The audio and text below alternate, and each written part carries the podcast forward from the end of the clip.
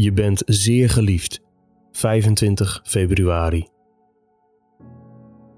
Onder wie ook wij alle voorheen verkeerden in de begeerte van ons vlees, door de wil van het vlees en de gedachten te doen. En wij waren van nature kinderen van de toorn, evenals de anderen. Maar God, die rijk is in barmhartigheid, heeft ons door zijn grote liefde, waarmee hij ons liefgehad heeft, ook toen wij dood waren door de overtredingen, met Christus levend gemaakt. Uit genade bent u zalig geworden. Efeze 2, vers 3 tot en met 5. Zou je het niet heerlijk vinden om uit de mond van de engel Gabriel te horen: Je bent zeer geliefd? Hij zei dat drie keer tegen Daniel. Bij het begin van uw smeekbeden is er een woord uitgegaan.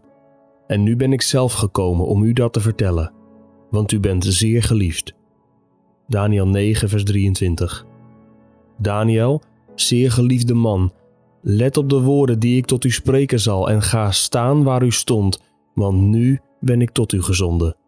Daniel 10, vers 11. Hij zei: Wees niet bevreesd, zeer geliefde man. Vrede zij u. Wees sterk, ja, wees sterk. Daniel 10, vers 19. Houd moed.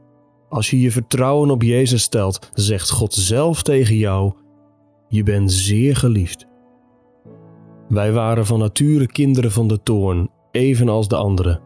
Maar God, die rijk is in barmhartigheid, heeft ons door zijn grote liefde, waarmee Hij ons liefgehad heeft, ook toen wij dood waren door de overtredingen, met Christus levend gemaakt.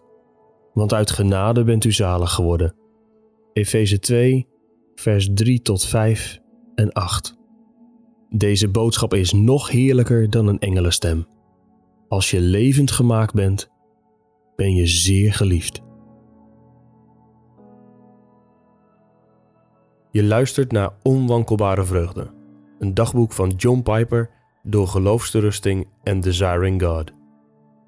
Wil je meer luisteren, lezen of bekijken? Ga dan naar de website geloofsterusting.nl.